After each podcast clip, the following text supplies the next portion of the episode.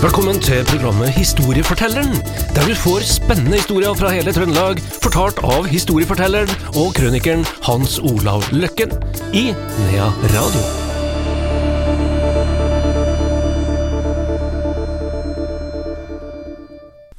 Da er historiefortelleren tilbake her i Nea Radio, og som vanlig, vår historieforteller, det er Hans Olav Løkken. Velkommen, Hans Olav. Jo, takk, takk. Det blir litt skummelt i dag. Det blir det. Ja. Vi skal jo ta eh, noen spøkelseshistorier. Oi. Ja, og jeg, jeg må jo eh, si det at eh, det var ikke alt som var like bra når jeg var liten unge, for hun, mor hun la seg jo eventyr meg, og eventyr var jo på en måte en liten spøkelseshistorie, det òg.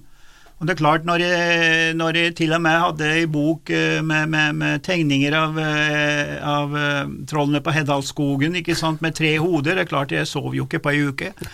Så, så, så det er jo det er ikke alt som er like bra her, og sånn er det vel kanskje med spøkelseshistorier òg. Og det her har jeg fått eh, faktisk talt fra Anne Gundersen, som da har vært i Nea Radio ganske mange år.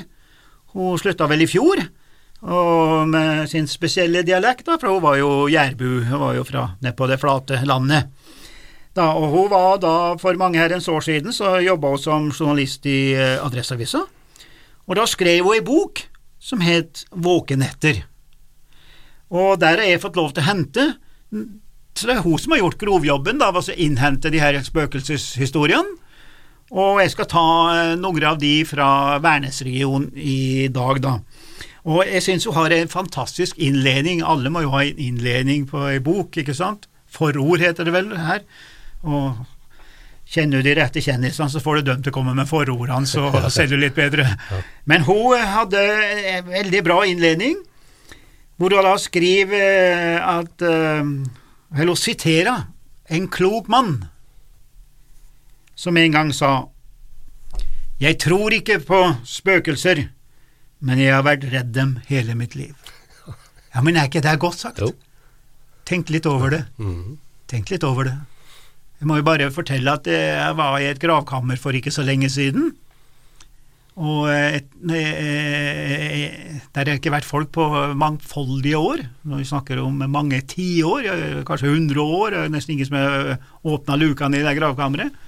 Så jeg det var liksom jeg tenkte litt over det når jeg eh, plasserte stigene og klatra ned der og sånn. Det, du, du har respekt, vet du. Her. Og en liten Det er en form for redsel, men det er kanskje en redsel som skal ta vare på Skal gjøre at du skjerper deg, og noe sånt. da. Det kan ligge der. Men ok, vi skal da først til Frosta prestegård. Så hun begynner faktisk talt med en spøkelseshistorie som er en spøkelseshistorie, men som da prestegården ikke ville godta er en spøkelseshistorie, da, kan du si. Så han, eh, han soknepresten på Frosta på 80-tallet, uten at jeg skal nevne navn der, da, han eh, var litt eh, Jeg vil ikke si at han var sur, men han, han ville ikke tro på dette her spøkelset der, så han, han gikk nå vel mer eller mindre ut og, sa at det måtte bli slutt med å knytte liksom, den historien til pressegården, da. Men øh, det er ganske mange historier som er knytta til pressegårder rundt om i Norge også. Og den her går tilbake til, til presten Ros Vinge i 1750. Han eh, var i utgangspunktet velstående, men han eh, avanserte en gang for mye, skulle jeg si. Han, eh, det gikk dårlig. Økonomien øh, gikk i stå, og det gikk rykter om underslag. Og han ble avsatt. Og deretter så tok hun sitt eget liv. Altså, her legger du litt grobunn for å skape noe. Her skjer det noe. Her skjer det noe. Så folk sa at den umulig kunne ha fått hvile. Ja, samvittigheten og alt det der, ikke sant? Og det var noen som påsto at den hadde tatt til seg penger fra, fra en del folk. Eh, og det å ta livet av seg, det var jo også en dødssynd, sånn kristelig sett. Sjølmord. Og tiden gikk, og det ble hvisket om både det ene og det andre, selvfølgelig. Og det gikk eh, rykter om at eh, de kunne se han sitte der inne på pressegården gjennom vinduet, med talglys. Og han satt der og bladde i en gammel bibel. Og mange hadde sett den, og enda flere har jo faktisk alt til og med hørt knitringa av når han bladde i Bibelen. Så her bygde man opp ei historie som da vår prest i gåseøynene i vår tid her prøvde liksom å Nei, vi kan ikke snakke mer om den saken der, da. Så hun, hun åpner med, med, en sånn historie for å liksom også komme eh, til litt motmæle mot at det er dem som liksom ikke er så begeistra for at disse spøkelseshistoriene blir tilknytta gårder, da. Det skal vi også ha forståelse for, da. Og eh, men hopper veldig fort over til de som er litt uh, mer akseptert da, her. Og da skal vi til postkontoret i Humlevika. Så når Postverket skulle flytte ut da, fra Humlevika sentrum her, så uh, visste ikke kommunen hva de skulle gjøre med denne bygninga. Så de beslutta å, å, også gi den vekk, på loddtrekning. Det er jo sånn at uh, Alle vil jo ha noe, de får det gratis, men hun måtte koste på riving og alt det der sjøl. Da var det en del som trakk seg, selvfølgelig. da. Men uh, Og de måtte uh, altså foreta montering av alt det der. og Hvis ikke, så ble jo da bygget revet, da. Men så vinneren da, av den der konkurransen her da, i gåseøynene om å få, få, få bygningen, den der vant han eh, Stein Hofstad, og her er han som driver eh, rampa. Ja, ja. Jeg vet ikke om han driver fortsatt. jo, jeg tror det, gitt. Han har drevet i mange år, ja. Han, han, vant jo det der, da, og, og, gikk i gang med arbeidet, vet du. Her. Eh, og det var ved nyttår i 1997. Begynner å bli noen år siden, det her. Så til å begynne med gikk alt greit, men da han eh, skulle gå i gang med kjøkkenet, så ble det stans i arbeidet. For plutselig så føler han at det er eh, som en skikkelse som eh, definitivt ikke var av denne verden, som plutselig dukka opp der. Og han strøk på dør, vet du. Og, og han har vel aldri mer satt sine ben i, i Hummelvik postkontor. da, og og, og, og eh, kontakta vel en healer etter som Anne Gundersen skriver, da, og han kom der med og, og konstaterte at det, det var noen der det, som slo ut på et nøkkelklipp, og det var, var den ene tingen tar det andre, da og at han har sett noen soldater fra verdenskrigen og altså det, Denne her historia, den åpner seg. Den neste som ble trukket ut av kommunen, da, ville jo heller, heller ikke bygge noe vet du. Her. Så til slutt så måtte en bare rive hele postkontoret.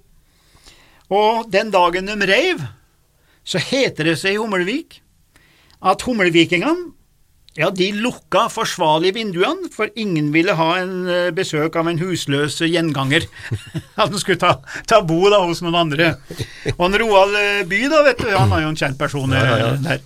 Han eh, Jobba jo da eh, jeg tror over 40 år, 45-46 år i Postverket og sånn. Han har aldri hørt om dette her, så den her historia den kom vel i de senere årene her nå, da, ikke sant, om, om uh, at det var et spøkelse, da, og, og at den kom først når huset sto tomt, da. Mm. Og der slutter den, da sånn. Men nå er jo bygninga revet, og spøkelset har da funnet en annen leilighet i Hummelvik, men der vet vi foreløpig ikke. Ingen vet hvor. Vi vet ingen hvor, Nei. men den dukker nå opp, da. Jo da, så, så var det en eh, emissær. Da, da, skal vi tilbake til 1870-tallet. Da er det en emissær fra Malvik som skal inn over Nord-Trøndelag. Eh, og tro det ei, men emissærene, vet du, det var, de hadde sånn blanda rykte, men det var mange som eh, satte pris på at de kom. Det var poppis å ta inn en emissær. Statusen i eh, familien øka hvis du hadde en emissær på, på, på, på eh, besøk. Så han fikk mat og overnatting og så videre og så videre, og den her emissæren han gikk nå på en gård der oppe og, og la seg, da, og, og, og, og la sine tre ord i Bibelen. og og, og, og la seg til å sovne.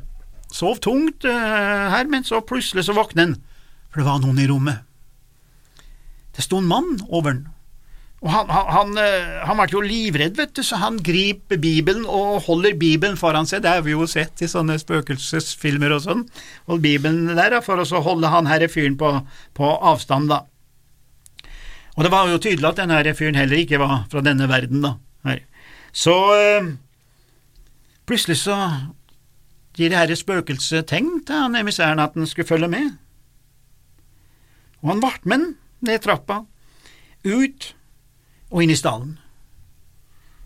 Og når de kommer der ved spilltauet, så sier han eh, spøkelset da her med russen stemme at uh, her ligger jeg begravet. Og så forsvant den, som dugg fra sola. Så han gikk altså på en måte i oppløsning, og emissæren han sto nå der og lurte for all verden, har jeg gått i søvne?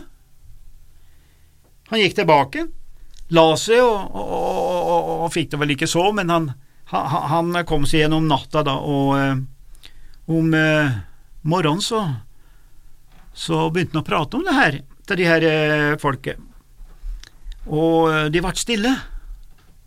Men han ga seg i og for seg ikke, da, og, og, og, og eh, tok opp det her temaet, og de skjønte at de kanskje måtte fortelle, og det var da en eldre menneske som hadde sagt at det var en kramkar, en sånn fyr som var ute og reiste, som eh, hadde vært der og, og, og, plutselig hadde forsvunnet. Du må huske på at disse kramkarene de, de hadde ikke noe fast bobel, så de ble ikke savna på den måten som vi ville bli savna. Pluss de vel hadde med seg det de eide og gikk i, skulle du si. Så de lurte kanskje på om det kunne være noe der, da, og de bestemte seg for at de skulle sanne med grave opp akkurat der han der spøkelset hadde gått i oppløsning. Og eh, der fant de den der skreppkallen, eller det som da var de jordiske levninger. Så de la han bare i vigsla jord, og ingen har sett han siden da. Så hopper vi til eh, ei novembernatt.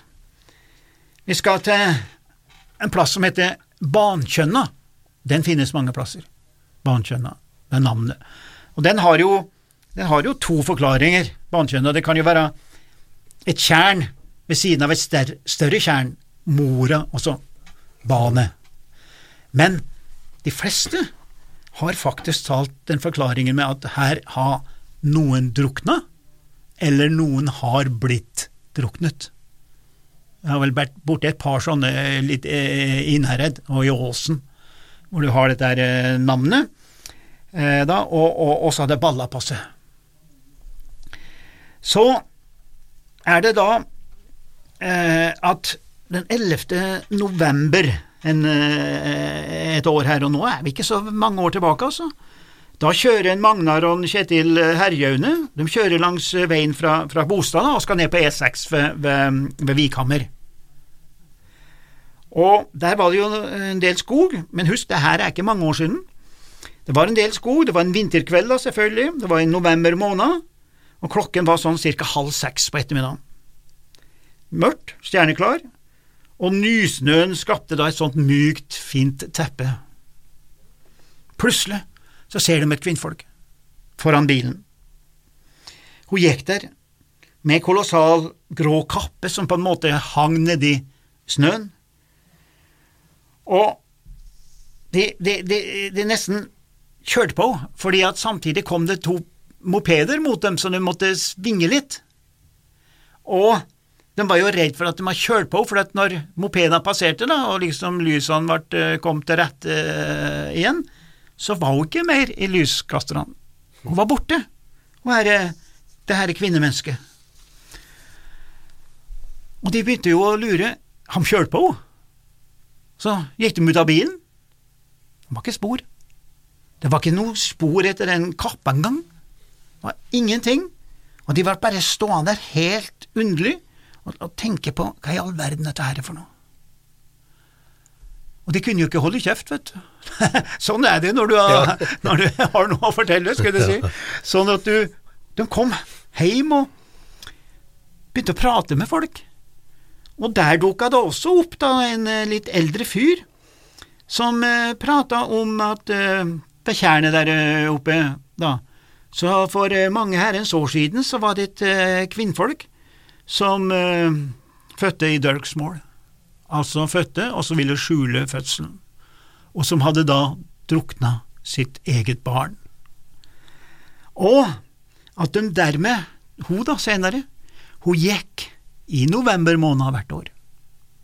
Så gikk hun langs veien ved det som het Bankjønnet, og med dårlig samvittighet, sorg, og hun visste seg Ja, og det her er altså herrens års mange, mange år tilbake, men hun dukka opp hver eneste november måned, og hun går der hvileløst den dag i dag, i november, sorgtung og fortviler selvfølgelig over det hun har gjort, så hun viser seg der. Så det spøkelset er i full virksomhet den dag i dag. Og slik, Andreas, kunne vi jo selvfølgelig fortsette, for spøkelseshistorier, de går aldri av mote. Og de har fulgt oss fra leirbål til iPad. Ja, og du har sikkert flere på lager. Har mange på lager. Ja, ja. Takk Hans Olav Løkken, det var historiefortelleren i dag. Vi må også rette en takk til Anne Gundersen, som skrev 'Våkenetter'. Det var historiefortelleren. Eh, flere kommer etter hvert her i Nea Radio.